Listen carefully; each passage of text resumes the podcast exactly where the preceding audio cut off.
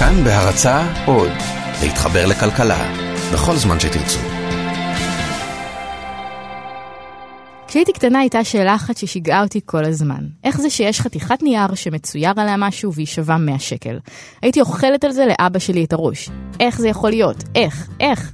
איך לעזאזל עונים על זה? אבא שלי עונה לי שהמדינה לא מדפיסה כסף סתם, אלא שהוא שווה ערך למשהו שקיים, כמו נכסים, או מניות, או זהב. אבל זה סיבך אותי עוד יותר, כי מה? מישהו מדפיס כסף? ואם אפשר להדפיס כסף, למה לא מדפיסים אינסוף לכולם כל הזמן? ואז הוא עונה לי שאם יעשו את זה, תהיה אינפלציה. אלוהים ישמור, מה אתה רוצה ממני?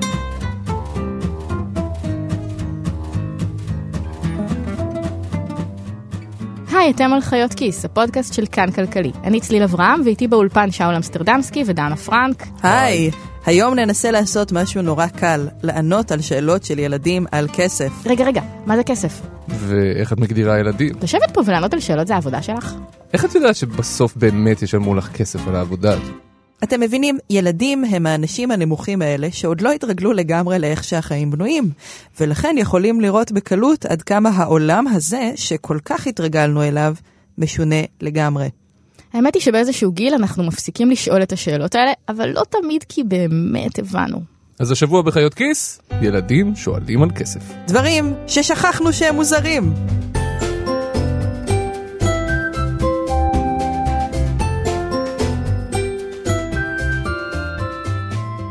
כל מיני דברים מעניינים אותי, אני ילדה סקרנית. זאת עלמה, היא בת חמש וחצי מרעננה. תחשבו על זה כמו שיעור אנגלית. אם אין מישהו מלמד אתכם אנגלית, והוא מדבר רק באנגלית, הוא לא אומר למשל, לג זה כלב, אז אנחנו יכולים להשתמש רק במילים האלה, ובכלל לא יודעת מה זה אומר ולהגיד מה זה הדבר הנכון להגיד ומה לא. אם אומרים לי זה שווה עשרה אגורות, ואני לא יודעת מה זה בכלל, אז פשוט um, אני לא יודעת מה, לה, מה להביא להם ולא יודעים. עלמה היא הילדה הכי צעירה שדיברנו איתה. היו לה הרבה שאלות על כסף. הנה השאלה הכי קלה שהיא שאלה אותנו. אני עושה מטלות בשביל לקבל דמי כיס, ואני, אבל אני לא יודעת איך, למה עושים מטלות בשביל לקבל דמי כיס. איזה מטלות את עושה? עורכת את השולחן, אבל נראה לי שרק כשאני אהיה בת שמונה אבא ירשה לי להוסיף את המטלה, להוריד את הזבל לפח לד... לדמי כיס. מה, יכול להיות שתקבלי דמי כיס בלי המטלות? אני לא בטוחה. אמא אמרה לי שזה או, או על מטלות או על התנהגות יפה, אבל ממש יפה. היי עלמה, את שואלת למה מטלות בכלל קשורות לדמי כיס, אז הסיבה היא הן לא, זה בגלל ההורים שלך.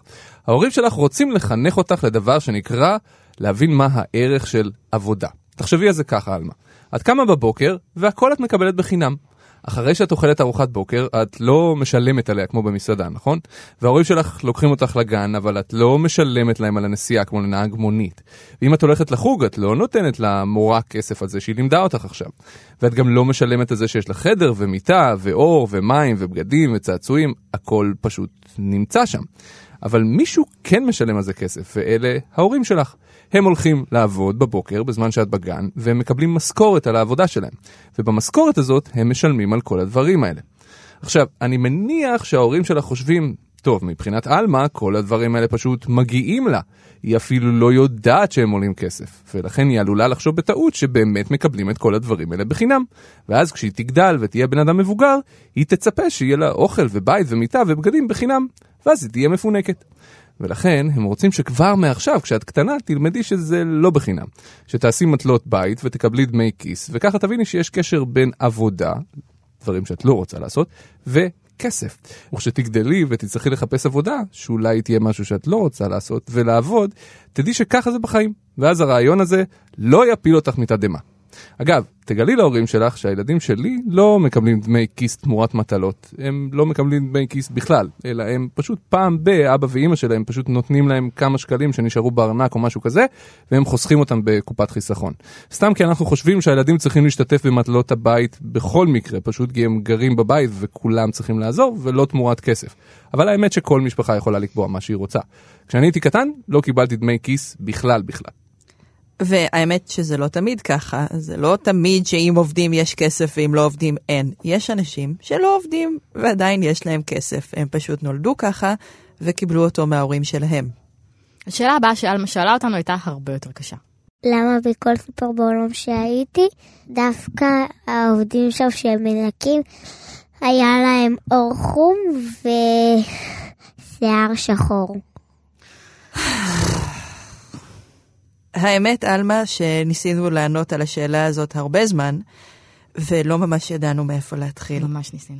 אז התקשרנו לשאול את רמי לוי, יש לו הרבה סופרים, והוא מעסיק הרבה עובדים. והיא שאלה אותנו, למה כל מי שעובד אה, בתור מנקה בסופר, בכל סופר שהיא הייתה בו, אה, יש לו אור חום. כל אה, עבודה מכבדת את בעליה, זה לא בושה לעבוד בכל העבודה והעבודה. אה, גם, גם מי שעובד בניקיון אה, הוא לא פחות מאשר אדם שעובד ב... איך קוראים לו? אה, עורך דין או אנשי הייטק, כל אחד עובד בהתאם לה, להשכלה שלו ולמשרה הבנויה שהוא יכול לעבוד בה. אבל אנחנו יודעים שיש אנשים שקל להם יותר להגיע לעבודות מסוימות, ואנשים שקשה להם יותר להגיע לעבודות מסוימות, זאת עובדה. מה זאת אומרת? יותר קל להם מבחינת השכלה, שזה התפקיד שלהם. כן. בסדר, נו, אז זה התפקיד שלהם, זה, זה מה שהם יודעים לעשות, זה מה שהם למדו לעשות. מה שרמי בעצם אומר, עלמה, זה שכדי למצוא עבודה יותר טובה מניקיון, צריך ללמוד הרבה שנים, ואנשים שהולכים לעבוד בניקיון הם אנשים שלא למדו הרבה. ונראה לי שאפשר להגיד שברוב המקרים זה נכון, לא? כן, אבל מה שהוא לא אומר זה למה זה ככה. את מבינה, עלמה, זה ממש חשוב. אנשים עם אור כהה הם לא פחות חכמים או פחות מוכשרים. לעתים קרובות הם מקבלים פחות הזדמנויות, חינוך פחות טוב, או שיש להם פחות כסף ללמוד. דנה, עכשיו נראה אותך מסבירה למה יוצאי אתיופיה ופליטים ומזרחים מקבלים פחות השכלה. אני חושבת שאת זה עלמה יכולה דווקא להבין בקלות, זה מה שנקרא לא פייר. נכון. אבל כן חשוב להגיד משהו, עלמה, זה לא אומר שכל הילדים הקהים יהיו מנקים. יש אנשים עם אור חום ושיער כהה בכל המקצועות. פשוט לא מספיק. וחוץ מזה אנחנו עדיין מנסים לשנות את המצב. היי, אני יאיר ואני בן עוד מעט תשע, עוד חודש וחצי. אה, אני גר ברחוב פועז עשר. ברמת גן. כן, ברמת גן. ליאיר יש אח קטן וחמוד בשם מתן, וגם יש לו שיטה ייחודית לאיסוף דמי הכיס שלו. חוץ מזה, גם הוא שאל אותנו שאלות נוקבות. מה עוד יש עם כסף אה, שיכול להיות מוזר בעיניך? שחתיכת ברזל שווה מלא. אתה אומר שזה מוזר שאתה נותן למישהו משהו יפה? או אני שזה אומר שזה מוזר שאתה נותן למישהו חתיכת ברזל והוא שמח מזה. מוזר תכלס. דוגרי מוזר, אבל את יודעת מה עוד יותר מוזר? שאתה נותן למישהו ציור באפליקציה והוא שמח מזה. אז ביקשנו מדנה הלר לענות על השאלה, כי היא סגנית הנשיא בחברת סטארט-אפ שנקראת קולו, שסוחרת במטבע וירטואלי שנקרא תל אביב שקל. אז כן יאיר, זה די מוזר. האמת, כשמתחילים לחשוב מה זה כסף ולמה אנחנו רוצים אותו, עולות הרבה שאלות. פעם אנשים היו מחליפים ביניהם סחורות. אם גידלת עיזים ופגשת מישהו שגידל תפוחי אדמה, היית יכול להחליף עז תמורת תפוחי אדמה. אבל הבעיה היא, מה אם אתה לא צריך תפוחי אדמה, אלא משהו אחר? אנשים חיפשו משהו שיוכלו להחליף ביניהם ושישמור על הערך שלו כשירצו לשלם איתו למישהו אחר. אז בעצם זה יכול להיות כל דבר כמעט, כל עוד כולנו מסכימים על הערך שלו, שלא קשור בכלל למה אתה יכול לעשות איתו. אוקיי, אז מה שדנה אומרת כאילו, כל הקטע עם כסף, זה לא כמה הוא שווה, אלא שכולנו מסכימים שאפשר להשתמש בו לעשות החלפות. אם מדינת ישראל הייתה מחליטה שחודים של עיפרון זה עכשיו כסף, יש מצב שזה היה תופס. ויש גם ביטקוין. לא, לא, העניין זה לא ביטקוין, זה בלוקצ'יין. בואו נגיד פשוט שלפעמים אף אחד לא שואל את המדינה וזה עדיין איכשהו תופס, אבל את זה נשאיר לפרק אחר.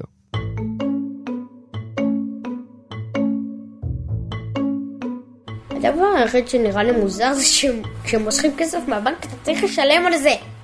איך, מה זאת אומרת? כאילו, אתה נותן לבנק שלך את כל הכסף שלך שישמור לך, אבל אתה נותן לו את זה, וכל פעם שאתה צריך את זה, שלושה ארבעה שקלים, מה אתה, אתה יכול לשים קופה ענקית בבית, לשים שם את כל הכסף. ללכת זה הבנק זה גם ללכת צעד שהוא, מה אתה, אבל זה גם לשלם כסף, במקום לפתוח את הקופה, להוציא משם משהו. ביקשנו מדוקטור אסף צימרינג לענות על השאלה הזאת. הוא כלכלן, הוא מנהל הבלוג והעמוד מבוא לכלכלה ג', אתם יכולים למצוא אותו בפייסבוק. הנה התשובה של אסף. אהלן יאיר, ושאלה מעולה.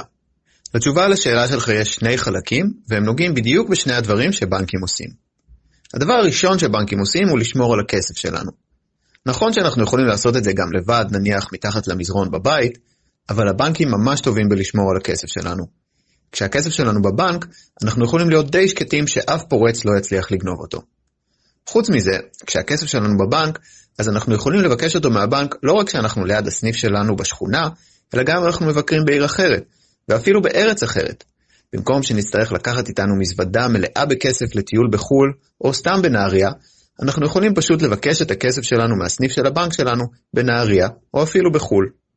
בגלל שזה מאוד נוח לנו מצד אחד, ובגלל שהבנק צריך להשקיע כסף כדי לאפשר לנו את כל הדברים האלה, הבנק גובה מאיתנו כסף על השירות הזה. ולמרות זאת, בגלל שזה כל כך נוח, אנחנו מעדיפים לשים את הכסף שלנו בבנק. לסוג חשבון הבנק שמאפשר את כל זה, קוראים עובר ושב. אבל בנקים עושים עוד דבר חשוב. לפעמים, כשאתה שם את הכסף שלך בבנק, לא רק שאתה לא משלם על זה, אלא שהבנק משלם לך על זה. לזה קוראים תוכנית חיסכון, וזה הדבר השני החשוב שבנקים עושים. אם נניח קיבלת דמי כיס, ובסוף החודש נשאר לך קצת כסף, אתה יכול לשים אותו בבנק בתוכנית חיסכון. כשאתה שם את הכסף שלך בתוכנית חיסכון, הבנק משלם לך כסף על זה. כל חודש הבנק משלם לך קצת, והתשלום הזה שהבנק נותן לך כל חודש נקרא ריבית. אנחנו לא הולכים להגיד על זה כלום?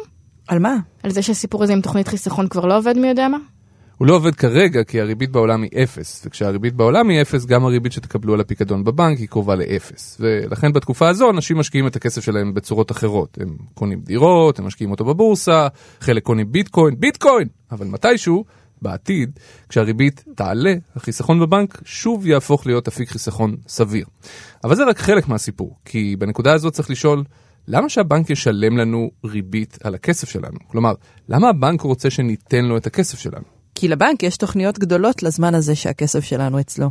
כשאתה שם את הכסף שלך בבנק בתוכנית חיסכון, הבנק לוקח את הכסף הזה ומלווה אותו לכל מיני אנשים שצריכים הלוואה. אנשים שקונים בית למשל, או אנשים שמקימים מפעל חדש. גם האנשים האלה שצריכים הלוואה, משלמים לבנק כל חודש ריבית, ממש כמו שהבנק משלם לך ריבית כל חודש. חלק מהריבית הזאת הבנק נותן לך, ואת השאר הוא שומר לעצמו.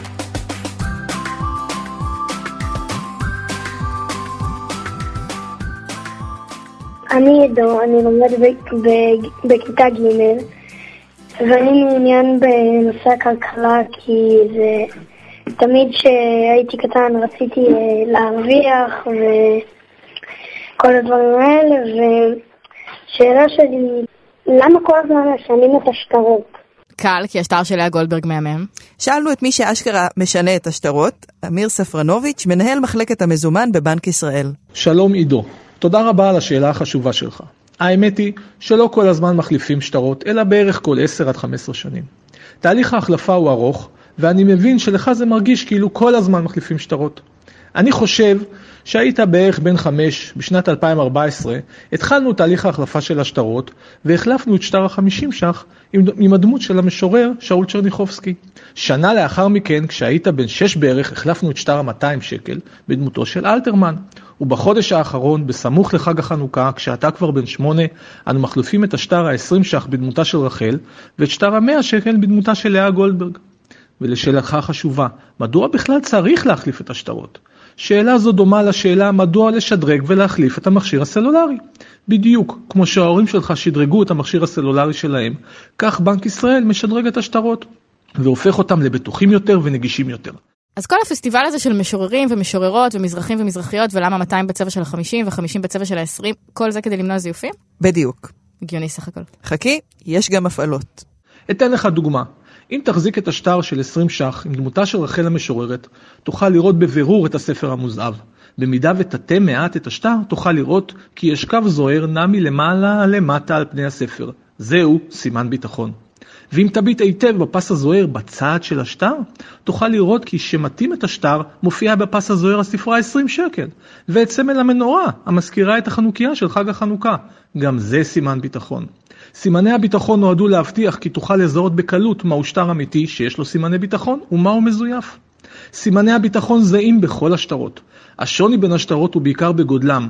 שטר ה-20 ש"ח הוא הקצר ביותר, ושטר ה-200 ש"ח הוא הארוך ביותר, וזה נועד לעזור למוגבלי הראייה לזהות את האריך השונה של השטרות. ולכן, כמו שהטכנולוגיה של מכשיר סלולרי מתיישנת, כך התיישנו סימני הביטחון של השטרות והיה צורך להחליפם. לחדשם ולהפוך את השטרות שלנו לבטוחים יותר ונגישים יותר. שיהיה לך חג חנוכה שמח.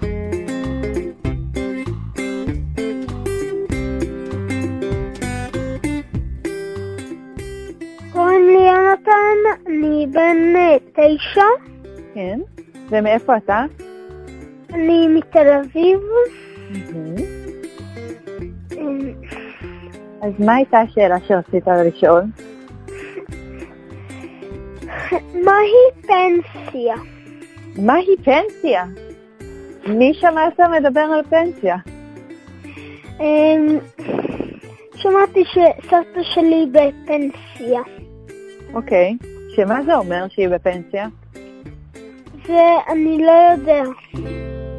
טוב, דבר ראשון, אין מצב שיונתן שאל על פנסיה. אתן אמרתן לו לשאול על פנסיה, פשוט תודו בזה. ילדים לא שואלים על פנסיה. זאת אומרת, הילדים שלי יודעים מה זה פנסיה, וכשאני שואל אותם, אלון, מה זה פנסיה? הוא אומר לי, אבא, פנסיה זה משעמם. אוקיי, אבל בשביל הסיכוי הקטן, קטן, קטן הזה, שזו בכל זאת שאלה אמיתית, אז יונתן, שתדע שפנסיה זה הדבר הכי מגניב בעולם. בגדול, אתה עושה מה שאתה רוצה. אתה לא הולך לא לבית הספר ולא לעבודה ומקבל על זה כסף. ולפני שאתה מתלהב ואומר שגם אתה רוצה, אז זה קצת בעייתי, כי מי שנמצא בפנסיה הם אנשים מבוגרים שכבר לא עובדים יותר. ואם אתה שואל, רגע, מאיפה מגיע הכסף שהם מקבלים אם הם לא עובדים? אז זו שאלה מצוינת.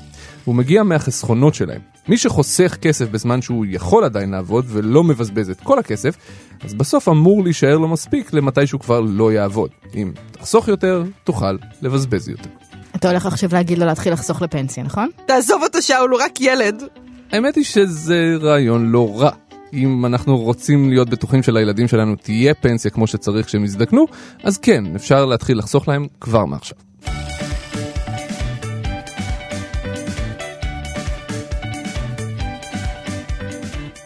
שלום, אני נועה היילפרן, לומדת בכיתה ח', בת עוד מעט 14.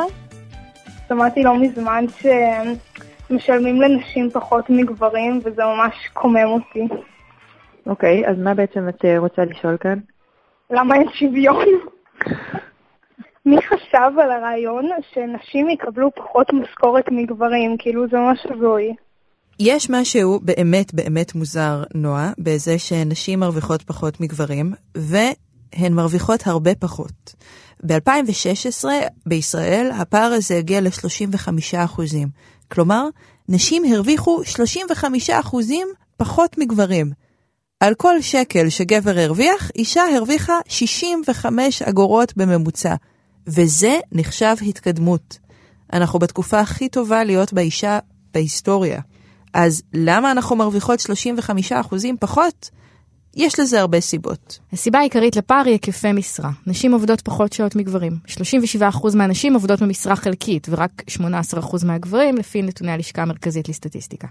אז אולי תגידי, אוקיי, זה הגיוני, מי שעובד פחות מרוויח פחות. אבל למה נשים עובדות פחות? סביר להניח שזה קשור לכך שנשים עדיין לוקחות על עצמן את רוב העבודה בבית, ומחפשות עבודה שבה הן יוכלו לחזור מוקדם לילדים. כן, אפילו שאנחנו בשנת 2017. זה עדיין ככה. בכל מקרה, גם אם בודקים כמה גברים ונשים מרוויחים בממוצע לשעה, עדיין יש פער, 84 אגורות לכל שקל. אז איזה עוד סיבות יש? הסיבה השנייה היא בחירת מקצועות. נשים נוטות לבחור מקצועות שמרוויחים בהם פחות. לפי דוח של מרכז טאוב, למשל, 26% מהנשים בגילאי העבודה עובדות בחינוך, ורק 8% מהגברים. לעומת זאת, 28% מהגברים עובדים בתחומים מדעיים וטכנולוגיים, ורק 10% מהנשים. כשרוב המורים הם מורות, אבל רוב המתכנתים הם גברים, זה יוצר פער. גם הפער הזה מצטמצם, אבל לאט. ויש לכך עוד סיבות. נשים מתקדמות פחות לתפקידים ניהוליים.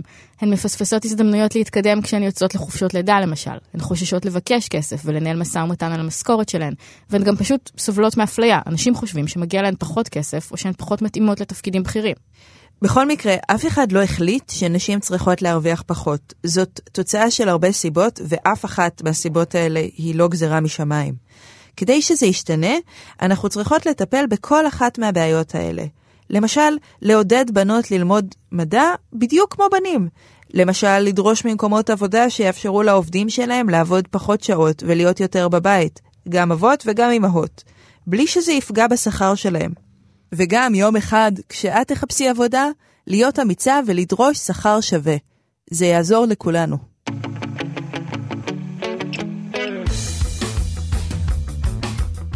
היי, hey, אני יאיר, אני בן 19 מחדרה, ואני רציתי לדעת כמה זה נורמלי להרוויח כשאתה ילד גדול. כאילו, כשסיימתי צבא, כשסיימתי ללמוד, כשסיימתי כל מה שאני רוצה לעשות, לטייל, אני לא. ואני חי את החיים שלי ויש לי דירה משלי ואני מפרנס את עצמי ומשלם לי על חשבון טלפון. חשבון טלפון זה כבר ילד גדול.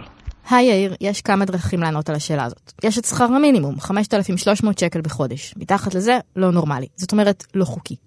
האם זה אומר ש-5,300 שקל זה מספיק כדי להתקיים, או לפרנס משפחה, או לחיות בכבוד, או לשלם לבד את חשבון הטלפון? המדינה לא אומרת. היא רק אומרת שזה שכר המינימום, וזהו. יש עוד תשובה, השכר החציוני, 6,426 שקלים בחודש. תדמיין שניקח את כל האנשים שעובדים בישראל ונעמיד אותם בשורה אחת לפי הסדר. מי שמרוויח הכי מעט בצד אחד ומי שמרוויח הכי הרבה בצד השני. האדם שעומד בדיוק באמצע השורה ירוויח 6,426 שקלים. זה השכר שחצי מהישראלים שעובדים מרוויחים פחות ממנו. יש עוד תשובה, השכר הממוצע, 10,147 שקלים, נכון לחודש ספטמבר האחרון. אבל האמת, נורמלי זה בעיקר שאלה של ציפייה חברתית. בכל מעגל חברתי שאתה נמצא בו, התשובה תהיה אחרת. ההורים שלך והאנשים שגדלת איתם לא יצפו ממך להרוויח את השכר הממוצע או החציוני. הם רוצים שתרוויח לפחות כמוהם, ואם אפשר יותר. אם נניח המשפחה שלך מהעשירון השמיני, אז כשתהיה ילד גדול, אחרי שתלמד וכשתשלם לעצמך על דירה ועל טלפון, אפשר לומר בזהירות שיצפו ממך להרוויח תוך כמה שנים לפחות 9,500 שקל בחודש. האמת היא שבגלל שאתה גבר, אפילו יותר. אם אתה מהעשירון הרביעי זה משהו כמו 5,000 שקל, בעשירון העליון זה יותר קרוב ל-30,000. ויש גם קהילות שבהן יש נורמות אחרות לגמרי. גבר חרדי למשל מרוויח בממוצע 7,500 שקל אם הוא עובד, ורבים מהם לא עובדים. מקובל שמשפחה חרדית מפרנסת שבעה ילדים מ-9,000 שקל בחודש, וזה נחשב שם לגמרי נורמלי. האמת, יש עוד מלא שאלות שנשארו בחוץ. למשל, אני רוצה לדעת מה זה אגורה בכלל, אני אפילו לא יודעת. מהו מונופול? למה עשו את הפנגו? למה צריך שהעירייה תרוויח יותר? יש קליפס לשיער, סתם. מייצרים אותו במדינה בקצה השני של הכדור הארץ. עכשיו היא צריכה לעבור את זה, ואז את זה, ואז את זה, ואז כל זה עולה רק חמישה שקלים. עכשיו איך זה הגיוני בדיוק? אם יש לכם תשובות לשאלות האלה, או שאתם חושבים שהתשובות שלנו לא מספיק טובות, ויש לכם תשובות אחרות, אנחנו נשמח אם תכתבו לנו בעמוד שלנו כאן כלכלי, או בקבוצת הפייסבוק החדשה והמגניבה שפתחנו, חיות כיס. תודה רבה להורים שתרמו את היקר להם מכל בפרק הזה. אדם קריב, דנה ודניה בראל שוורץ, שי פלד ורן היילפרן. אתם מוזמנים להצטרף לקבוצה שלנו, כתבו חיות כיס בפייסבוק, ואנחנו שם. תודה רבה לרום אטיק, העורך שלנו, ולטכנאי ההקלטה אסף רפפורט. תודה רבה שאול ודנה. תודה רבה צליל, ותודה רבה לכם שהאזנתם.